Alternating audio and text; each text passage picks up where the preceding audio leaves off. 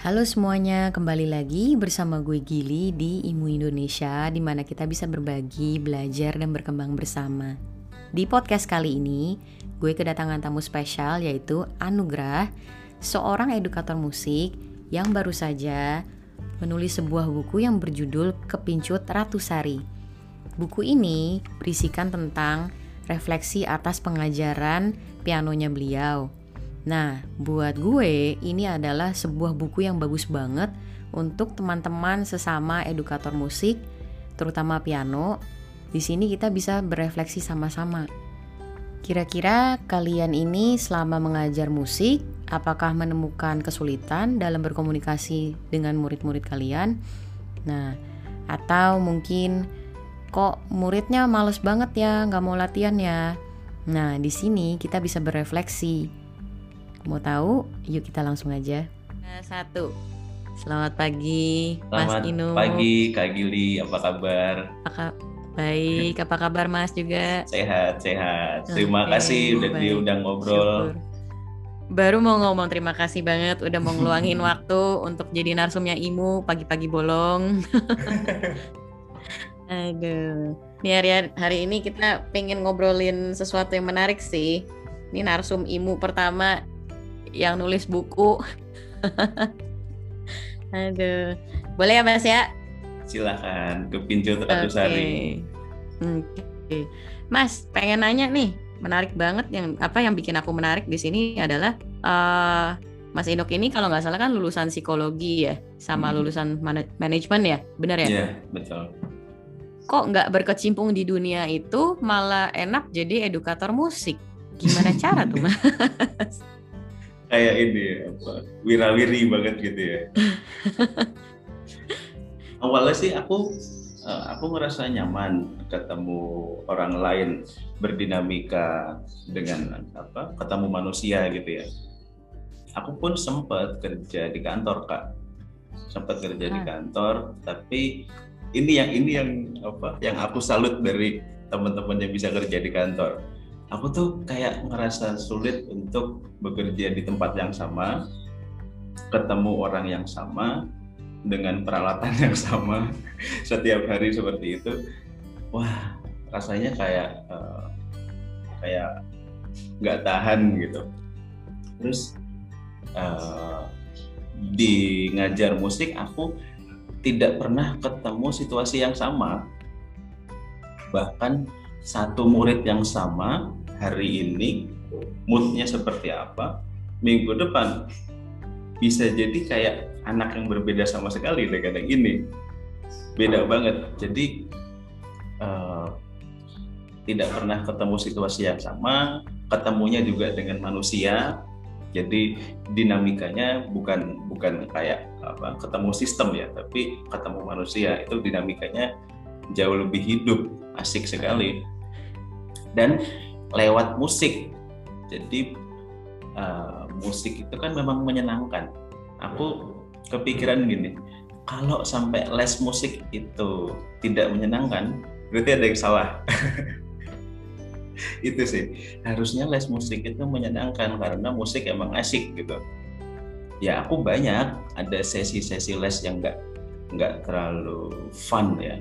Dan itu bikin aku refleksi banget sih kenapa ya? Apa yang bisa diperbaiki ya komunikasinya? Kenapa ya? Apalagi di masa pandemi kayak sekarang les online. Itu yang namanya refleksi itu nggak boleh berhenti gitu beruntungnya aku aku di rumah istriku Kiki dia guru SD Ah. dan dia banyak sekali dengan di sekolahnya bikin inovasi-inovasi uh, mengajar online nah itu tinggal kalau dia rapat sama sekolahnya atau teman-temannya udah tinggal nguping aja. Oh gini oh gini habis itu curi dipakai kadang-kadang gitu. Terus yang asiknya lagi di ngajar piano itu adalah rasanya gini kayak apa pun ilmu kita itu pasti kepake kak. Kayak aku Gimana kebetulan caranya? S1 psikologi ilmu psikologi pasti kepake banget Yes. terus aku juga lulusan manajemen itu mungkin aku bukan mengatur perusahaan atau mengatur organisasi, tapi dengan aku punya background manajemen itu kepake sekali komunikasiku dengan murid, komunikasi dengan orang tua murid, dengan sekolah musik, cara cara memarketingkan diri misalnya gitu. Terus aku mikir kira-kira kalau teman-teman yang punya background pendidikan lain, entah filsafat, entah komunikasi, entah antropologi, apakah bisa kerja di sini? Bisa mengajar musik seperti ini? Aku rasa akan sangat terpakai karena kita ber, berhubungan dengan manusia. Tinggal angle-nya seperti apa? Apakah angle-nya dari sisi komunikasi atau psikologi dan lain-lain? Uh, tapi yang paling penting memang uh, ini yang yang aku jadi concern juga di buku ini. Aku lupa di halaman berapa Okay. Aku oh aku ngasih judul gini. Pelatihan pelatihan cara menekan tuts. Itu ah. ada di halaman 332. okay. Sombong banget ya kayak tebel banget gitu. Oke, okay. ah, nah, Di situ aku nulis bahwa guru piano hati-hati. Jangan sampai terjebak bahwa kita ini sebetulnya bukan bukan ngajarin orang lain tapi ini refleksi ke diri sendiri. Jadi aku nulis ini tuh kayak ngaca kan ayo hati-hati. Kayak refleksi ke diri sendiri.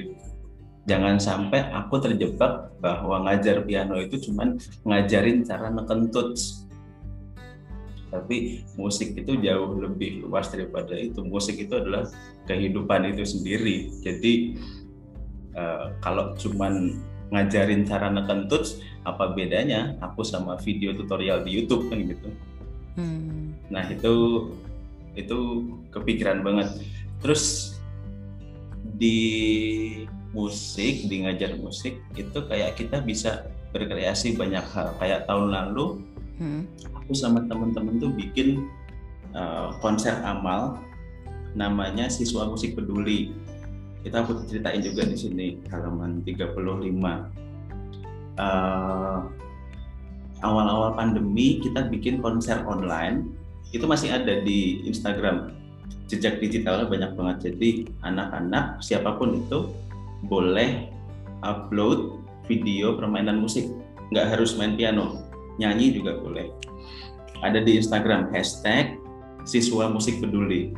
Nah okay. Itu jadi kayak konser online amal gitu dan orang bisa berdonasi. Waktu itu uh, cukup banyak 100 lebih video yang terkumpul dan donasi yang terkumpul juga lumayan kita kirim hmm. lewat. Saya kerjasama dengan semua murid semua guru. Itu komunitas yang waktu itu uh, baru mengumpulkan dana untuk membantu anak-anak di daerah hmm. yang nggak ada internet mungkin juga listriknya belum stabil kota-kota besar kan mereka nggak bisa belajar online pastinya kan tapi mereka butuh aktivitas mereka butuh belajar mau seperti apa nah mereka si semua murid semua guru ini memberikan bantuan berupa paket belajar non digital. Nah kita ikut terlibat di situ uh, ya cuman dibanding donasi yang terkumpul semuanya ini kecil sekali tapi bahwa berkarya di pendidikan musik kayak kita bisa berkreasi banyak sekali hal-hal yang seru gitu kak. Intinya Mas Ino orangnya bosenan gitu ya, senang berkreativitas gitu. Oke oke. Ini boleh cerita dikit nggak sama teman-teman imu di sini tuh uh, udah semenjak usia berapa sih? Kok tahu akhirnya passionnya kok di ngajar musik ini loh? Awalnya uh, bisa dibilang aku tuh memilih untuk ngajar musik setelah tadi uh, tanda kutip mentok di kantoran ya. Uh, awalnya memilih ngajar musik cuman karena terbiasa. Aku terbiasa main musik, aku terbiasa mengajar musik karena waktu kuliah juga nyambi ngajar.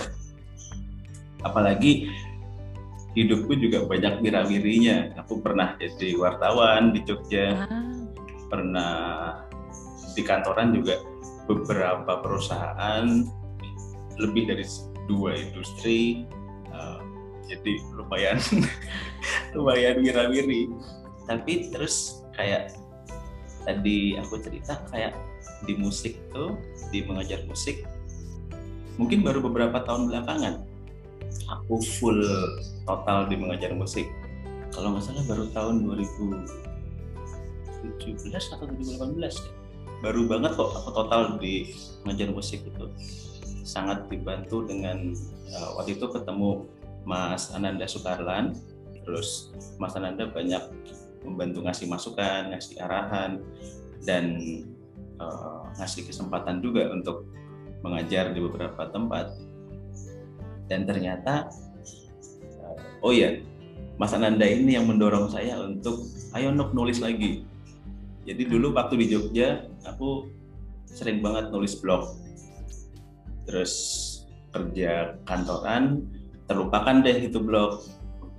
Nah terus nyoba di musik lagi. Nah mas anda yang mendorong ayo nulis lagi. gitu terus aku melihat kayak kalau di musik itu kita bisa apa ya bisa main musik bisa ngajar musik bisa menulis bisa rekaman bisa ngomongin sistem mungkin sistem kurikulum sistem apa ya uh, metode pengajar, cara menjual uh, sekolah musik dan lain-lain. Jadi kayak mungkin bener tadi kayak Gili bilang mungkin karena aku bosenan gitu. Jadi apalagi ya, apa lagi ya gitu. gitu sih kan.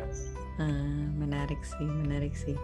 Terus Mas Inuk kemarin sempat uh, mention Mas Inuk nih penyintas bipolar ya? Iya, ya? betul. Uh -uh boleh sharing nggak di sini sama teman-teman ibu juga?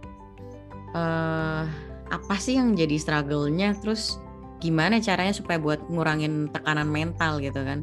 Secara maksudnya secara kita sebagai pengajar musik itu kan harus ngadepin anak-anak murid yang hmm. moodnya juga nggak terprediksi gitu loh. Gimana tuh mas? Mungkin cerita sedikit ya awalnya uh, tentang bipolar itu. Uh, ini terima kasih ke Mas Ananda juga. Mas Ananda yang mendorong aku untuk eh, nggak uh, apa-apa ngomong aja ke publik bahwa kamu penyintas bipolar dengan tujuan bukan untuk mendapat dikasihan kasihanin ya. Tapi supaya bahwa kita bisa bisa kok dilalui bisa gitu. Ini bukan akhir dunia bahwa kita bukan orang yang paling menderita sedunia gitu. Karena pemikiran-pemikiran itu yang sering masuk ke pikiran saya waktu itu. Terus awalnya emang dari kecil tuh kayak aku ngerasa ada yang aneh sama aku. Aku nggak pernah merasa punya bisa punya teman ada teman-teman lagi ngobrol di samping nggak ngelihat ke aku aku langsung punya pikiran negatif. Mereka baru ngomongin aku mereka baru sebel sama aku. Terus moodnya jadi gak enak banget. Dan aku harus deal dengan itu setiap hari di sekolah. Eh, saat-saat uh, di sekolah itu uh, banyak hal-hal yang apa ya yang bikin aku bertanya-tanya kok rasanya gini? Kok rasanya gini? Kok guru itu kayak kayak sebel sama aku gitu. Kegeran banget sih sebetulnya Padahal kenyataannya nggak gitu ya? Padahal guru itu ngeliat aku aja enggak, itu biasa aja, nggak ada apa-apa. Gitu. Kalau istilahnya temenku, temen psikologi, baperan gitu. Kamu tuh baperan banget, iya betul. Tapi aku bisa ngomong gini setelah setelah aku syukurnya adalah melalui masa-masa itu ya, melalui masa-masa roller coaster yang kayak gelap banget gitu Nah, terus suatu saat waktu aku baru kuliah magister di uh, Jakarta, itu masa-masa kerja praktek dan tesis. Pressure-nya sangat berat karena aku penerima scholarship. Ah. Ada syarat minimal yang harus dipenuhi. Di bawah itu, beasiswa harus stop dan uang saku dikembalikan. Wah, bahaya.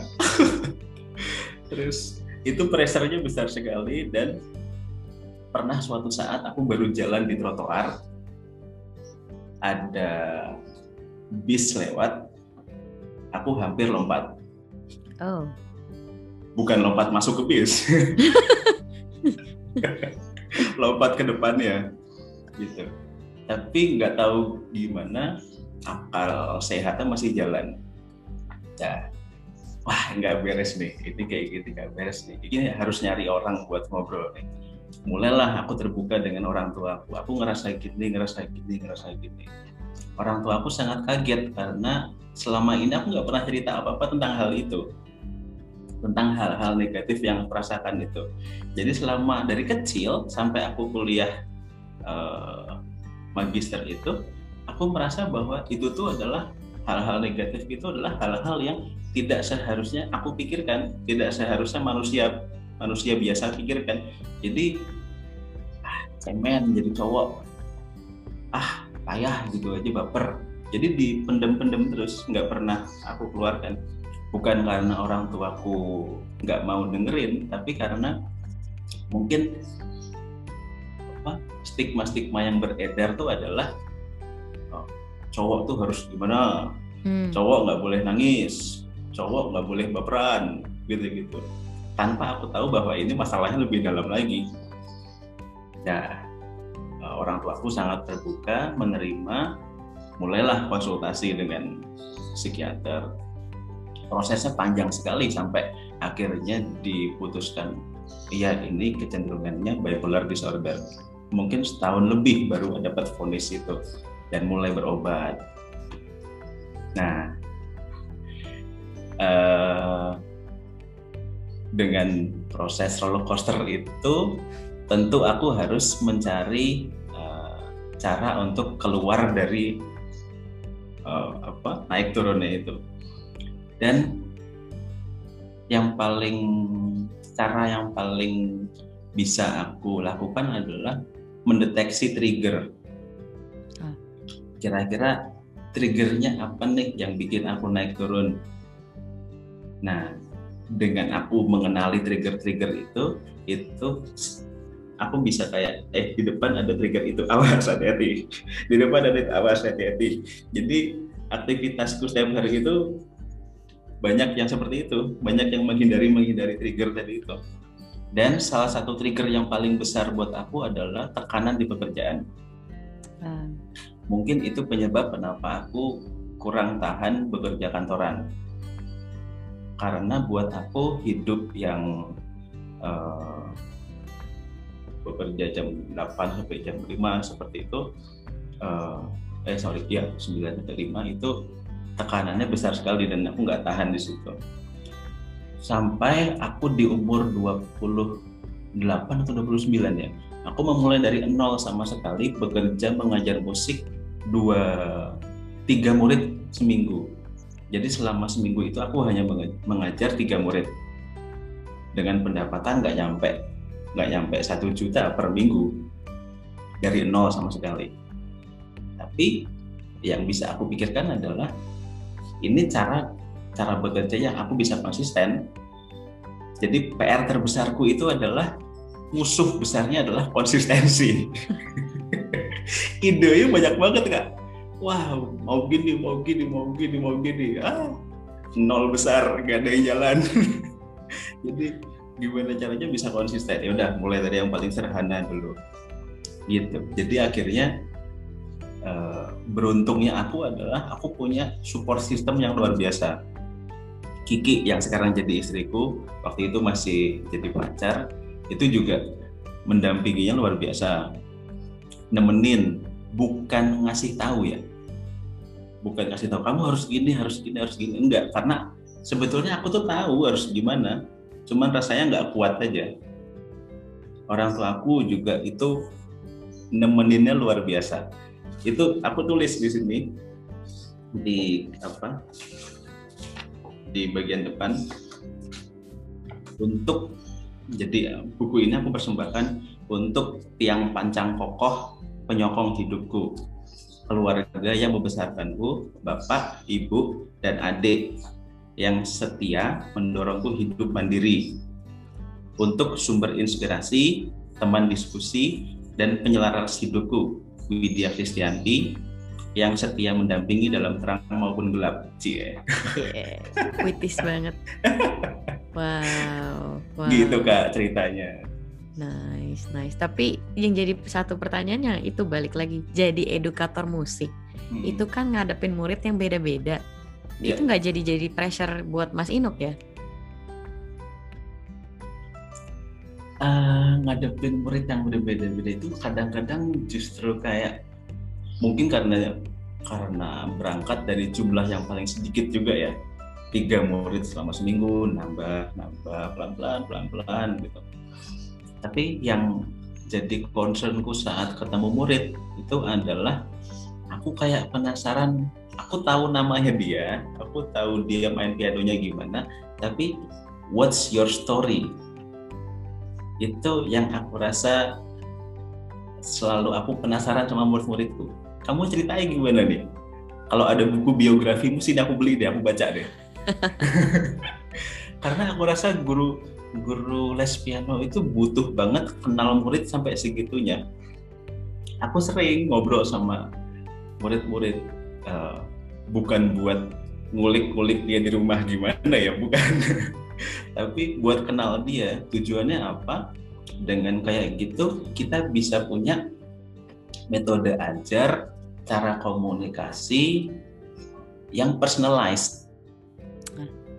Jadi bukan bukan satu buku untuk semua murid apa pun kebutuhannya gitu. Caranya gimana?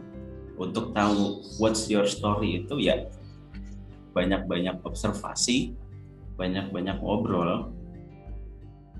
Aku banyak sekali ngobrol sama murid-murid di kelas.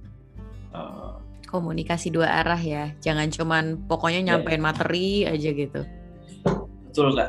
Uh, komunikasi dua arah karena uh, itu penting sekali ya karena yang namanya musik itu kan komunikasi. Jadi waktu murid itu baru main piano itu kan dia bercerita. Kalau misalnya komunikasi dua arah waktu aku ngomong aku pengen dia dengerin aku. Waktu dia main piano ya sudah seharusnya aku mendengarkan dia. Jadi ya udah didengerin aja. Kadang-kadang notnya salah udah dibikin aja. Aku kurang nyaman kalau notnya salah terus eh.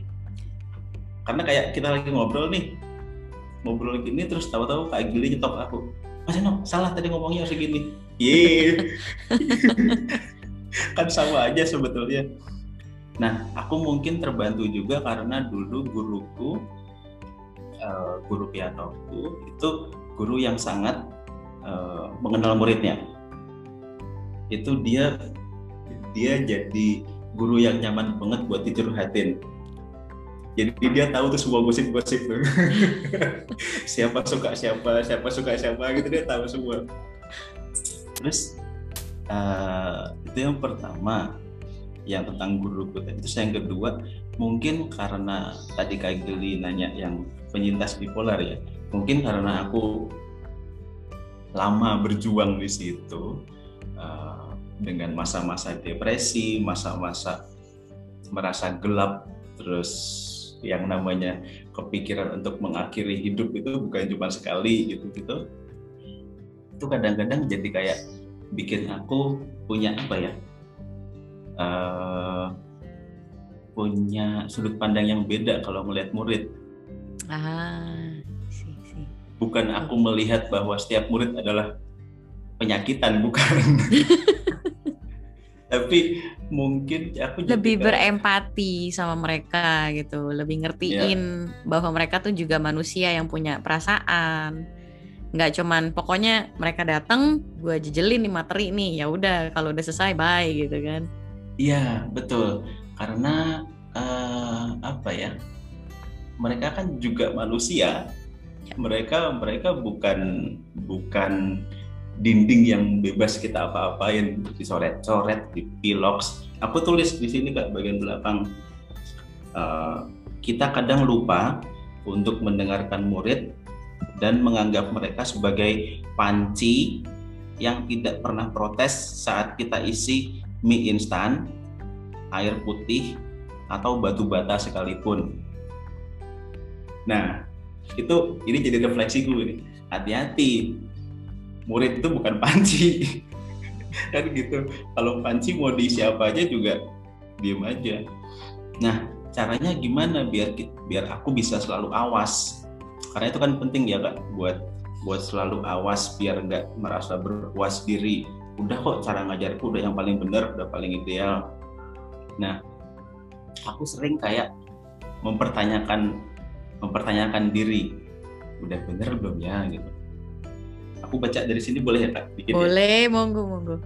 Di sini saya nulis judulnya uh, jangan jadi murid saya. Jangan jadi murid saya. Saya tulis gini saya adalah pengajar piano yang buruk. Jangan menjadi murid saya karena itu tidak bermanfaat. Bisa jadi semua murid saya sebetulnya adalah korban dari ketidakbecusan mengajar yang saya pertontonkan bertahun-tahun. Jangan-jangan tulisan di buku ini juga sebetulnya tidak berguna. Apa yang harus saya lakukan? Saya punya ide, inisiatif, hati, waktu, dan tenaga. Bagaimana cara mengoptimalkan apa yang saya punya untuk sesama? Apakah sebaiknya saya mencari dunia lain yang lebih tepat untuk saya? adakah tempat lain di mana saya bisa bermanfaat untuk orang lain? Apa sebetulnya yang saya inginkan dalam hidup? Apa sebetulnya cita-cita saya? Kenapa hidup seakan saya jalani hanya untuk menuntaskan kewajiban hari ke hari tanpa tujuan yang jelas? Apakah hidup saya berjalan sekedar untuk bertahan hidup? Nah, pertanyaan-pertanyaan kayak gini itu sering aku tanyain ke diri sendiri. Untuk tetap awas tadi itu kak. Jadi uh, aku rasa aku harus selalu awas kalau kalau pengen bisa menghargai murid sebagai subjek. Gitu kak. Sebenarnya ya ini buku kepincut Ratu Sari sebuah refleksi. Ini nggak cuman refleksi hanya untuk Mas Inuk sendiri sih. Ini benar-benar disaranin buat teman-teman imu di sini terutama yang pengajar. Karena setelah aku baca semua gitu ini relate banget resonate banget sama aku pribadi gitu sebagai seorang edukator musik gitu kan. Terus makanya setelah baca buku ini sampai berpikir kok si Mas Inuk bisa sama frekuensinya nih hmm. maksudnya begitu apa namanya uh, edukator musik yang benar-benar empatinya tinggi banget sama murid-murid peduli banget sama mereka gitu kan nah tapi setelah Mas Inuk cerita tadi mungkin berangkatnya dari karena Mas Inuk sendiri sebagai seorang penyintas bipolar yang udah pernah ngelewatin masa-masa kelam jadi lebih mengerti lagi untuk menempatkan diri sebagai guru yang harus punya uh, pengertian tinggi bahwa ya balik lagi kayak yang tadi Mas bilang bukan sebagai sebuah panci gitu kan. Mereka nggak pernah protes kalau diapain aja gitu kan. Nah pertanyaan di sini adalah Mas Inuk sendiri uh, pernah nggak sih ngajar dengan compassion begitu tinggi empati begitu tinggi? Pernah ngalamin pernah ngalamin emotional fatigue nggak? Akhirnya karena harus terus menerus untuk ngertiin mereka gitu kan. Tapi di satu sisi sebagai pengajar harus nyampein materi juga gitu. Gimana tuh mas? Aku dulu pernah pernah uh, merasa sangat berat dengan satu hari. Kalau hari itu sudah datang serem rasanya. Karena hari apa itu lupa hari apa ya?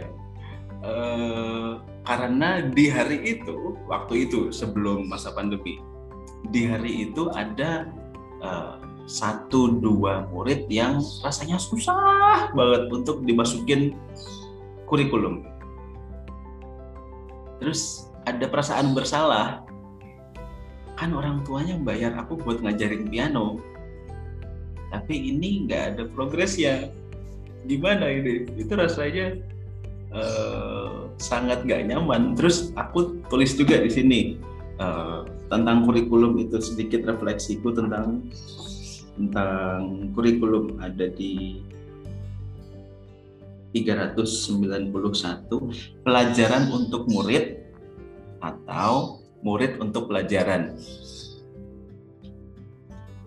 Suatu saat pernah malam-malam uh, aku dapat WhatsApp dari uh,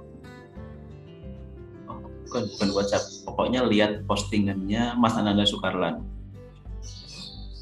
Aku nggak terlalu ingat detail postingannya apa, tapi intinya adalah begini.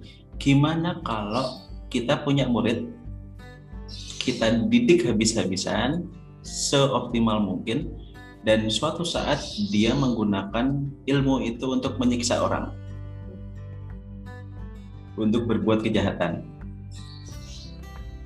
Nah refleksi itu benar-benar bikin aku mikir bahwa apa gunanya kurikulum?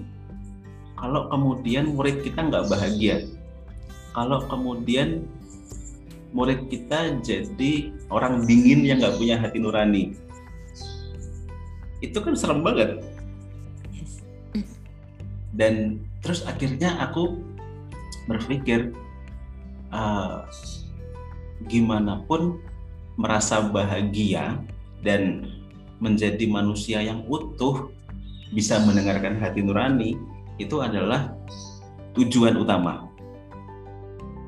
Itu goal yang harus dicapai dengan aktivitas apa pun, mau itu belajar, mau itu beribadah, mau itu les piano, mau itu olahraga. Tujuannya ini. Jadi tujuannya bukan supaya bisa main piano keren dan terlihat keren, dapat banyak likes di Instagram, di follow banyak orang. Itu apa gunanya punya banyak followers kalau kita nggak bahagia? apa gunanya dapat banyak likes tapi mainnya ngerasa tertekan gitu nah tapi bukan berarti terus uh, aku ngikutin murid seenaknya kamu mau main lagu apa mau tidur aja kak. Ya udah sana tidur. Ya enggak juga. Uh, terus cara aku adalah uh, aku berusaha mengenali murid dan mencoba mendekati mereka dengan kebutuhan masing-masing. Jadi uh, kalau tadi Kak Gili bilang gimana caranya menyampaikan uh, materi atau kurikulum dengan optimal, aku mencoba, aku sering pakai cara memutar Kak ke murid-murid yang mungkin nggak bisa langsung. Contohnya gini, aku punya murid, ini aku ceritain juga di sini.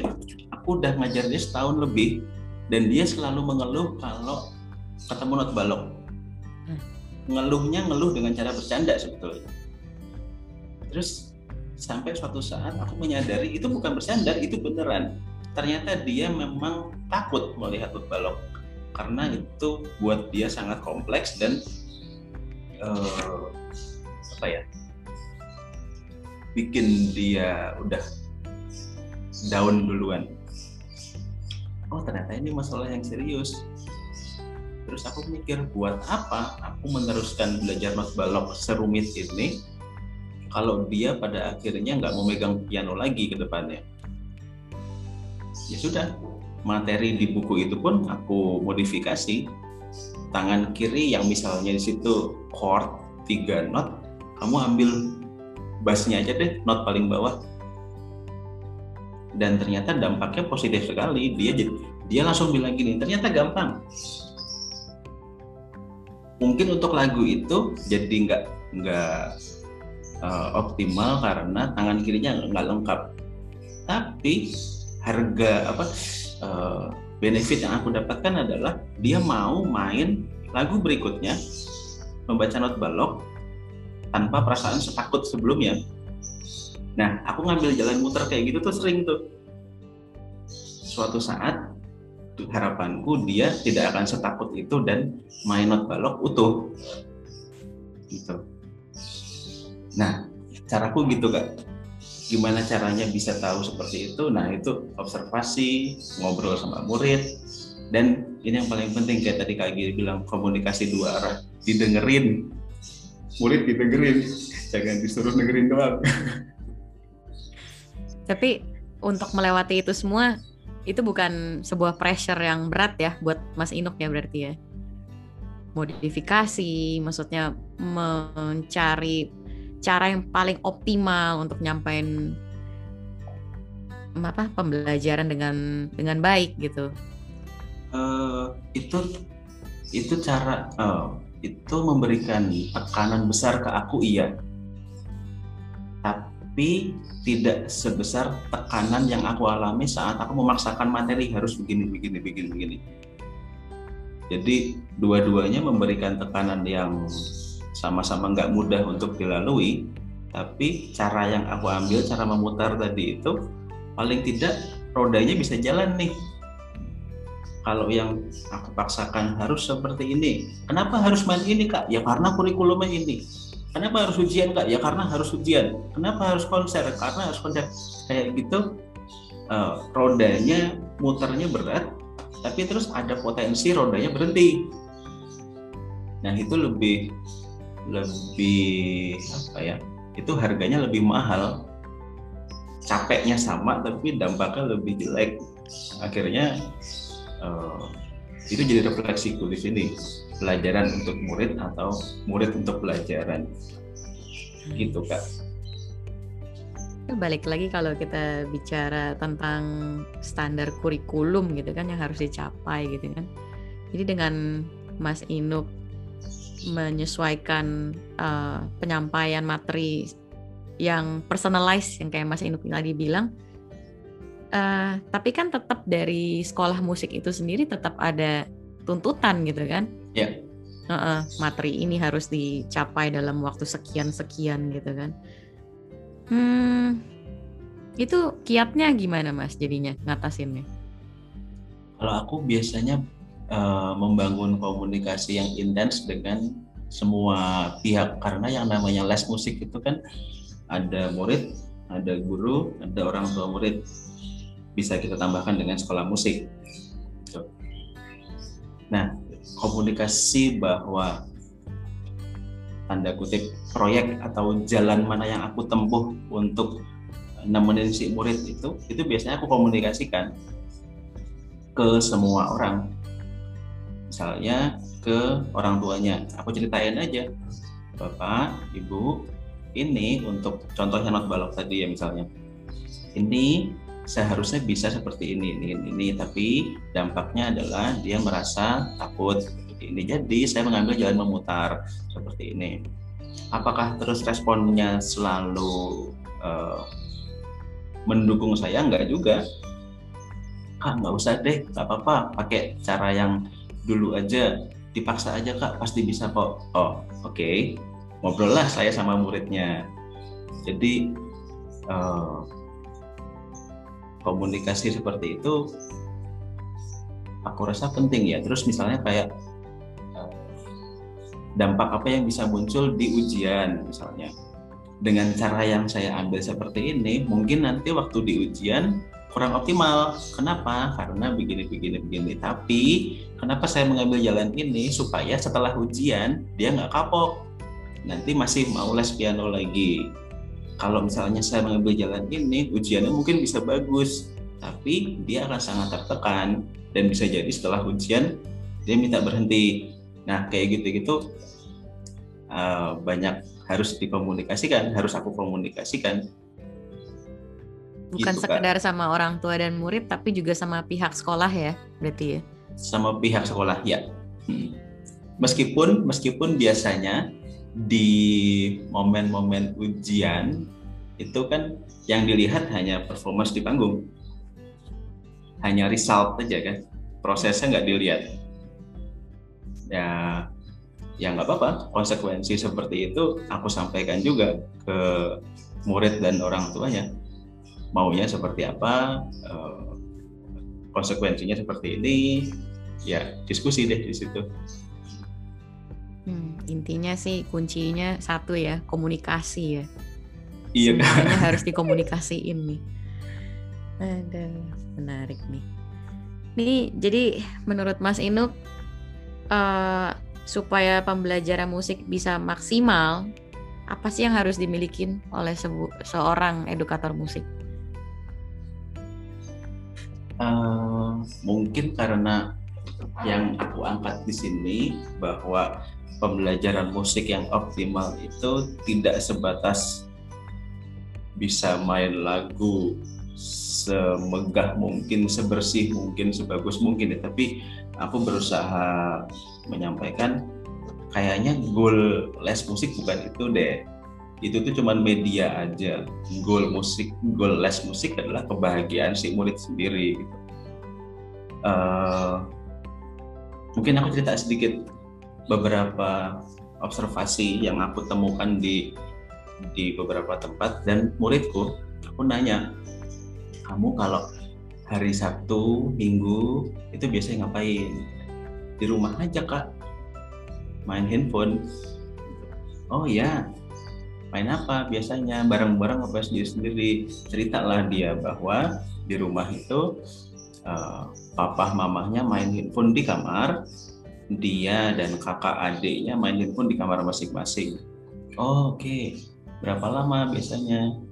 ya setiap minggu seperti itu paling nanti pas jam makan siang makan pas jam makan malam ketemu tapi sisanya sendiri-sendiri seperti itu terus saya melihat kebetulan perilaku di murid ini yang barusan cerita tentang handphone itu itu sering banget kayak melakukan sesuatu yang kayak mencari atensi kan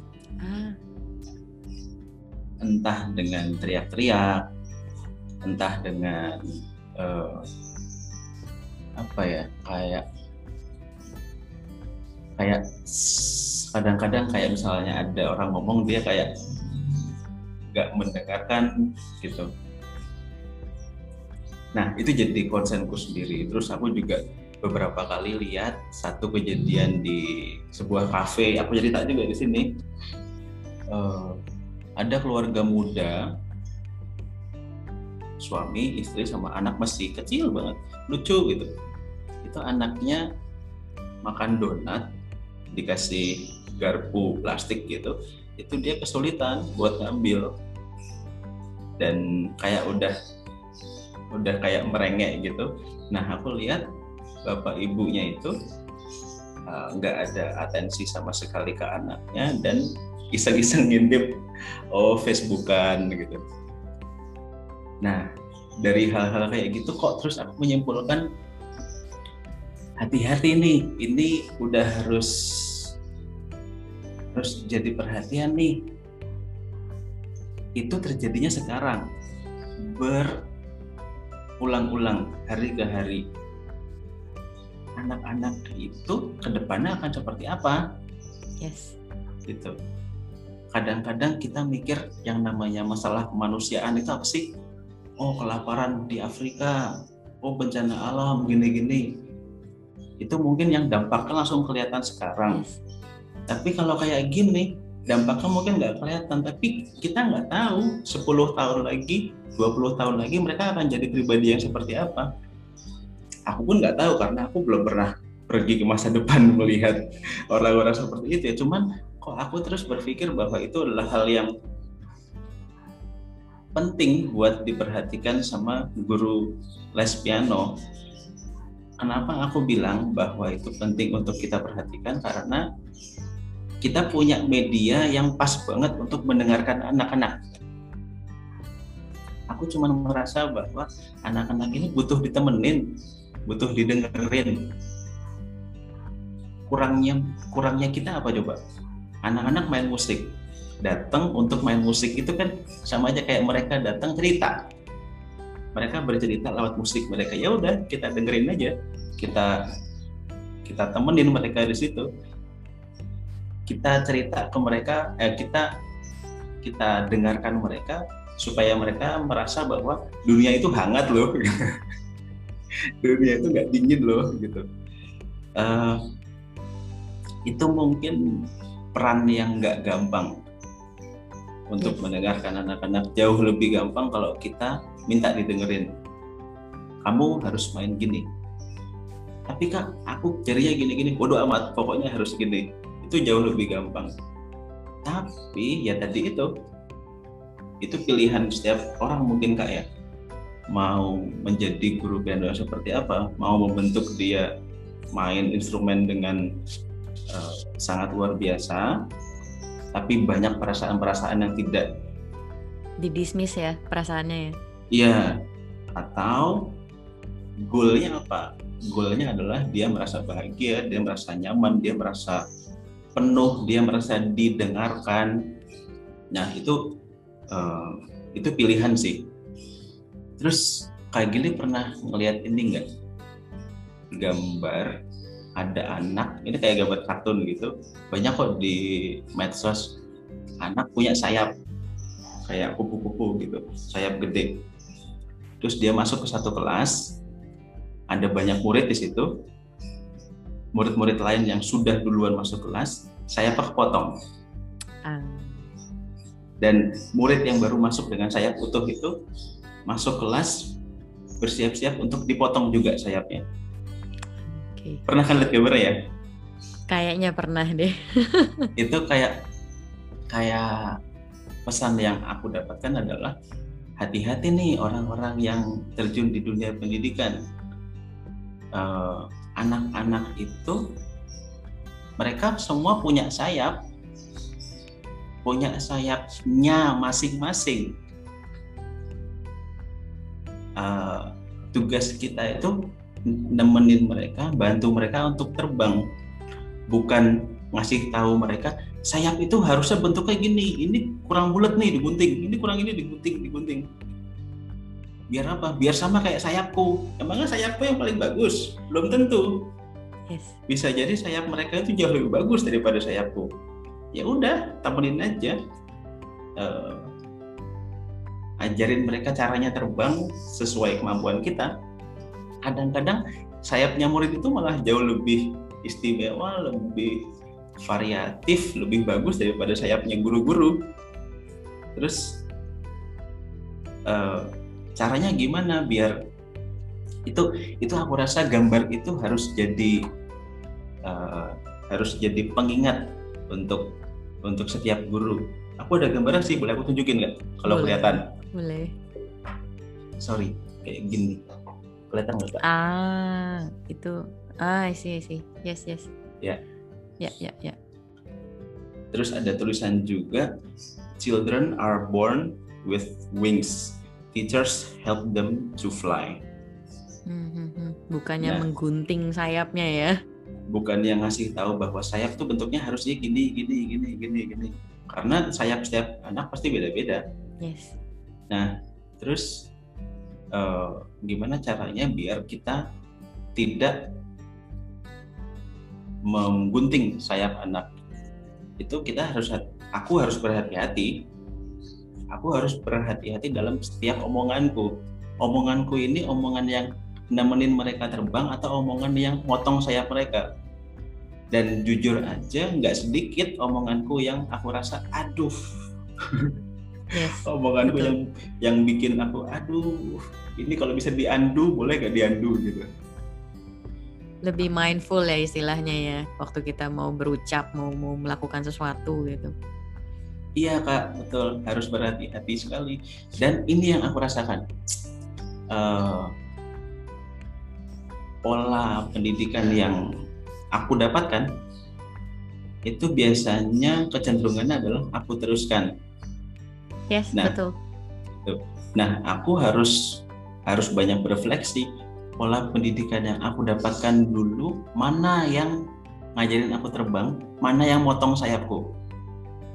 Yang dulu motong sayapku udah di, di stop, diputus tuh, jangan diterusin. Yang dulu ngajarin aku terbang, nah itu diterusin. Kalau bisa dikembangin. Itu dia, makanya di rumah harus banyak-banyak ngaca.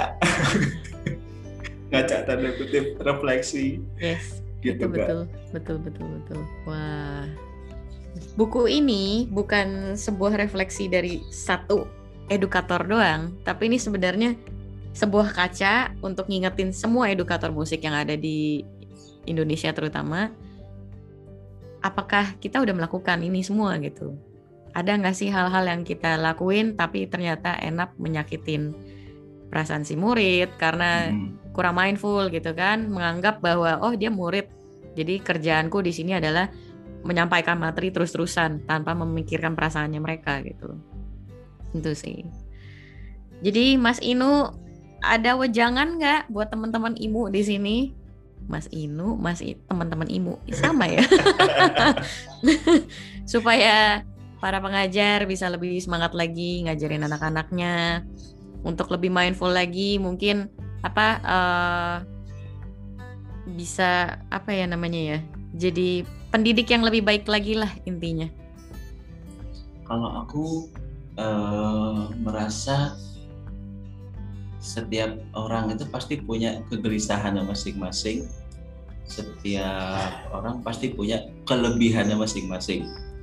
Tapi belum tentu banyak yang mengoptimalkan kelebihannya itu dan memilih untuk menjadi sama dengan yang lain. Um, mungkin kalau aku boleh sharing um, gimana caranya supaya kita bisa lebih optimal bekerja, kita bisa lebih bahagia karena ngajar piano pun harusnya bahagia, harusnya. itu aku aku sering cerita gini sama teman-teman kita sekarang kerepotan ya cari guru piano buat di sekolah musik karena orang yang daftar les piano banyak sekali sebelum pandemi ya. Terus aku mikir apa iya situasi seperti ini akan selamanya? Gimana kalau suatu saat nanti anak-anak yang les musik bergeser? Ah piano nggak asik ah. Ayo mau ngapain? nah uh, kita harus siap-siap menghadapi situasi itu bukan dengan pandangan pesimis tapi justru dengan pandangan optimis bahwa kita bisa mencari ciri khas Kak Gili guru piano yang apa apa apa apa. Inuk guru piano yang apa apa apa apa, apa. Nah, kalau kita bisa menemukan ciri khas kita, terus kita bahagia menghidupi itu bukan terpaksa ya. Akhirnya jalannya mungkin lebih asik karena kita kita jadi beda setiap setiap guru jadi punya warna masing-masing dan um, jalan ini jadi nggak terpaksa kan kak? Yes. karena karena apa ya ini ini jalan yang dengan sadar aku pilih ini kreasi yang dengan sadar aku pilih dan ini ciri khas yang memang ada di diriku. Bukan ada di diri orang lain tapi aku copy paste. Gitu. Akhirnya ngajar pun jadi mindful murid pun jadi nyaman sama kita gitu aku pun masih berproses di situ oke ini Mas Inuk kita udah sampai di penghujung acara. Satu oh, yeah. pertanyaan terakhir lagi. Apa impian seorang Mas Inuk sebagai edukator musik ke depannya? Mungkin kalau aku uh, kumpulin jadi ada beberapa poin. Yang pertama, aku kok pengen pendidikan musik itu gratis. Hmm kita aku tulis juga di sini kenapa aku kepikiran pendidikan musik itu gratis karena manfaat yang bisa kita peroleh dari belajar musik itu banyak sekali dan aku kok merasa pendidikan musik yang yang continuous improvement yang yang apa yang selalu di diperbaiki dikembangkan itu jadi sarana untuk memanusiakan manusia Pak di tengah di tengah dunia yang semakin lama semakin homogen ini yang warnanya semuanya semakin sama itu musik itu jadi kesempatan kita untuk menjadi diri kita sendiri gitu. jadi aku rasa akan sangat baik kalau yang bisa belajar musik itu banyak orang. Caranya gimana biar bisa gratis? Beli pianonya gimana? Nggak tahu. Belum kepikiran. Terus aku juga punya impian gimana caranya metode belajar personalized kurikulum personalized. Kok aku kepikiran kayaknya akan lebih akan lebih memenuhi kebutuhan setiap anak kalau misalnya kurikulum dibuat personalized, eh, materi belajar, buku gitu. Terus harapanku yang paling besar adalah eh, murid-muridku mendapatkan manfaat dari musik apa pun profesi mereka ke depan dan mereka bahagia itu harapan paling besar ya sih nice waduh luar biasa ini oke okay. Mas Inuk thank you banget Terima buat kasih, waktunya Kak. buat sharingannya hari ini sama teman-teman Imu terus uh, Mas Inuk nih misalnya kalau teman-teman Imu nanya Gil mau beli buku kepincut Ratusari mesti lewat mana nih? Terus misalnya kalau mereka pengen mungkin sekedar ngobrol atau tukar pikiran sama Mas Induk tentang edukasi musik gitu, bisa hubungin Mas di mana nih? Aku ada di Instagram at inugih i n u g i h. Oke. Okay. Atau itu boleh ya di DM-in ya? Iya, DM-in aja. atau di email inugih at gmail.com okay. mm-hmm. oke okay, kalau kayak gitu. Oh iya, ini kepincut 100 hari itu singkatan ya kak? Kelas piano dalam cuplikan tulisan 100 hari. Jadi ini isinya 100 judul pendek-pendek tulisannya. Oke oke, okay, good to know. Thank you banget Mas Inuk. Terima kasih. Tetap sehat, tetap sukses. Amin, jangan sama-sama. menyerah buat me, apa namanya mewujudkan impiannya. Amin. Terima kasih udah diundang cerita. Iya. Terima kasih untuk teman-teman Imu Indonesia yang telah menonton podcast kali ini. Jangan lupa tekan tombol like dan subscribe. Apabila merasakan manfaatnya, silakan di-share. Dan jika teman-teman ingin mengikuti perkembangan Imu Indonesia, silakan follow kami di Instagram @imu_indonesia. Juga bisa di Facebook page kita, Intelligence and Music. Sampai jumpa kembali di episode berikutnya.